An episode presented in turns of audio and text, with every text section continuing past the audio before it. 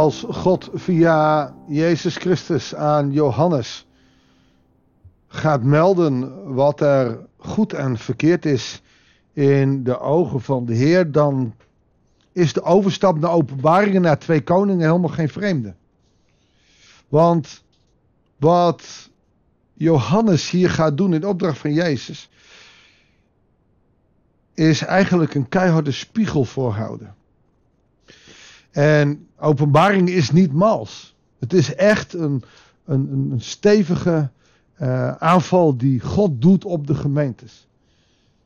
En voor in ieder geval die mensen die alles met geloof fijn willen vinden. Het is gezellig, het is fijn, het is lief. God is liefde. En eigenlijk met de mantel der liefde alles willen bedekken, komen bij openbaringen bedrogen uit. En de brief die we vandaag gaan behandelen is niet mals. Terwijl ze denken dat ze heel goed bezig zijn. En dat wordt heel scherp afgesteld. En dat is de spiegel voor vandaag. Goeiedag, hartelijk welkom bij een nieuwe uitzending van het Bijbelsdagboek. We lezen Openbaringen 2, de versen 1 tot en met 7. Dit is de brief aan de gemeente te Efeze. Daar weten we overigens een heleboel van. Want ook in handelingen komt dit uh, uit. Paulus is er geweest, later Timotheus. En nu is Johannes verantwoordelijk voor deze gemeente. En je zag dat er vanuit de, de apostelen dus telkens iemand werd gestuurd om daar verantwoordelijk voor te zijn. Waarom? Omdat jonge gemeentes gauw geneigd zijn af te dwalen.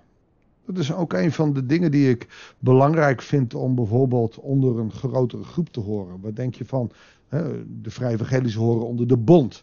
Er is geen vergadering erboven, maar wel, uh, er wordt wel op elkaar gelet op een positieve manier. Wat denk je van PKN, eh, gemeentes die een synode hebben waarin toezicht wordt gehouden, zodat je niet met alle winden mee kan waaien. Overigens is die ruimte er wel en ik zal ook zeggen dat het niet gedaan wordt, maar uh, op een of andere manier is het van heel groot belang dat, uh, dat er gewoon onderling toezicht is. En je ziet ook daar waar gemeentes uh, erg op zichzelf zijn, en geen meerdere vergaderingen hebben, geen broeder- of zustersgemeentes hebben, uh, dat het daar heel gauw verkeerd gaat. En dat is gewoon gebleken. Dat is niet flauw doen van mij, maar het is, het is zo gebleken. En dat gebeurt in heel veel jonge gemeentes. Ook de gemeentes in Klein-Azië, zoals die van Efeze. Dit zegt hij, die de zeven sterren in zijn rechterhand houdt en zich tussen de zeven gouden kandelaars beweegt. Jezus Christus.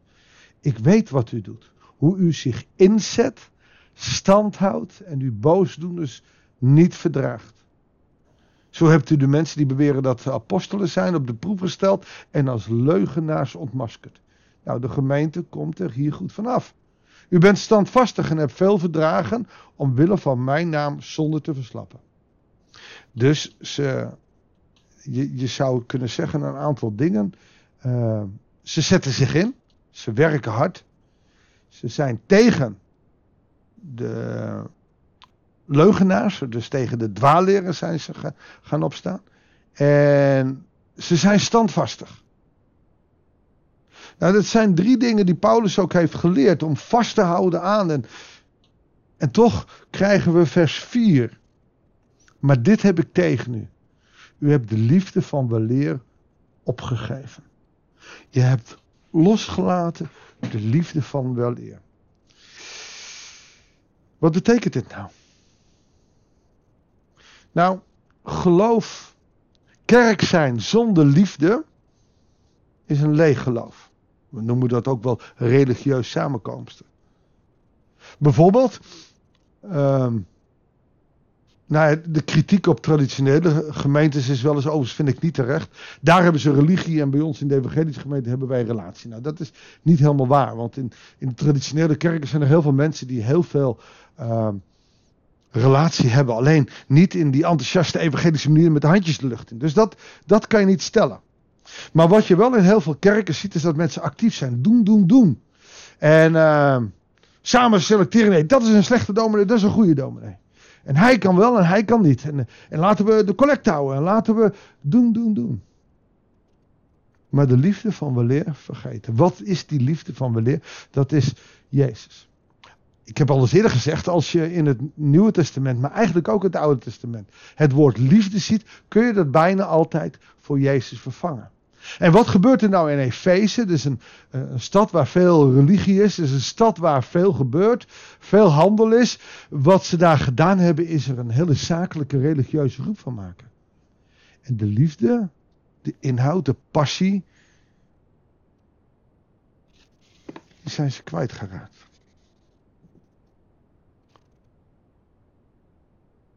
En die liefde, die passie, dat is namelijk een persoonlijke relatie met Jezus. Dat is niet bezig zijn met kerkzaken en dan doen, doen, doen, doen en zelf geen stille tijd meer houden. Nee, dat is stille tijd houden en daarna je gezin en daarna de kerk. Maar wel degelijk je kerk hoog op je prioriteitenlijst hebben. Maar wel vanuit een persoonlijke relatie. En dat is vaak kritiek vanuit de evangelische hoeken. Er is geen persoonlijke relatie. Nou, dat is altijd te kort de bocht.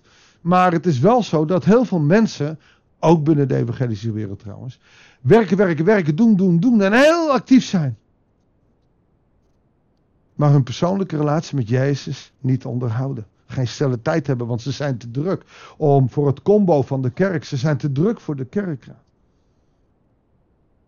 De eerste liefde is de liefde van Jezus, is je bekeringsliefde. Is, is dat je door Christus werd aangeraakt. Weet je, zo gebeurt het ook in relaties. Waarin heel veel liefde voor, voor je, je partner is, voor je vriendinnetje of voor je vriendje. En je gaat trouwen en, en je mist die eerste liefde. Het is houden van en het wordt verslapt en er zijn andere interesses gekomen. Je mag nooit je eerste verliefdheid gaan missen. En als je vijf jaar getrouwd bent, tien jaar getrouwd bent, zijn dat momenten vaker nog om terug te kijken. Waarom werd ik ook alweer verliefd op die ander? En hou dat warm. En zo gebeurt het ook in de kerk. En daarom hebben zoveel mensen in de kerk ruzie. Daarom is er zoveel onmin in relaties. Omdat we de eerste liefde in relaties, maar ook in relaties met Jezus, loslaten.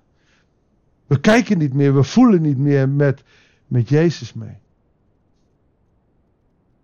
En dat is de kritiek die God op Efeze heeft. Jullie zijn gaan werken. Jullie zijn wel gaan selecteren wie wel, wie niet. En jullie zijn wel gaan volharden en standvastig zijn. Maar wel in religie. En dan gaat hij verder. Bedenk van welke hoogte u gevallen bent. Kom tot inkeer en doe weer als vroeger. In die tijd dat je Jezus leerde kennen door Paulus. Dat je enthousiast was, dat je vol vuur was.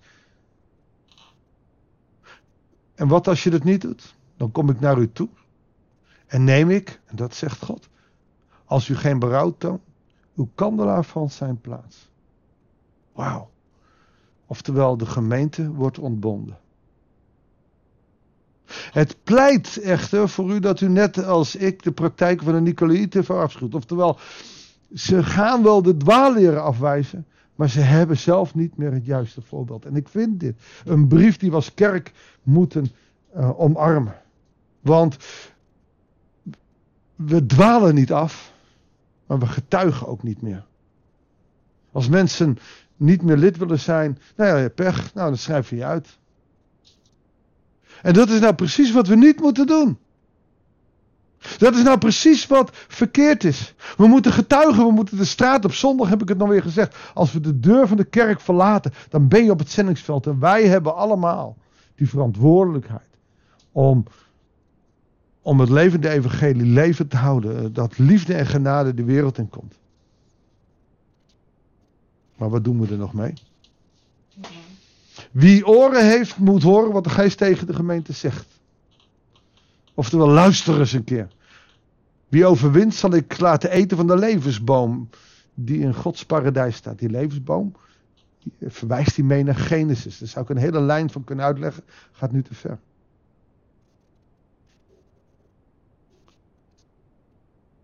Maar die levensboom, als je daarvan afgesneden bent, heb je geen toekomst.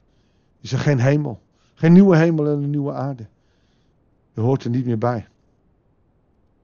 Dus Efeze denkt dat ze goed bezig zijn. De kerken denken dat ze goed bezig zijn. Maar ze zullen terug moeten naar de eerste liefde. Zullen we bidden?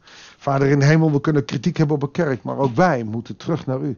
U bent onze God. U heeft uw zoon gegeven, niet voor de wereld, maar ook voor mij. Heere God, voor ons als luisteraars. U heeft ons heel persoonlijk willen aanraken. U wil tegen ons zeggen, ik hou van je en ik strijd voor je, maar wil je ook voor mij? Wat mag het je kosten? Durf je toe te geven dat ik jou, jouw God ben? Durf je te getuigen van mij over de liefde en genade die jij krijgt? Waarom? Heere God, er zijn zoveel dingen die we zouden kunnen doen. Zonder werken de wet. Zonder dat we alleen maar dingen doen die we om ons te verstoppen achter. Heere God, vergeef ons. Als wij die liefde en die genade van u niet meer vasthouden. Als we niet die persoonlijke relatie met u hebben. Heer, leer ons om heel persoonlijk tot u te komen. Dat bidden we u in Jezus' naam. Amen. Ga eens terug naar je bekering. Waarom heb je je tot Jezus bekeerd?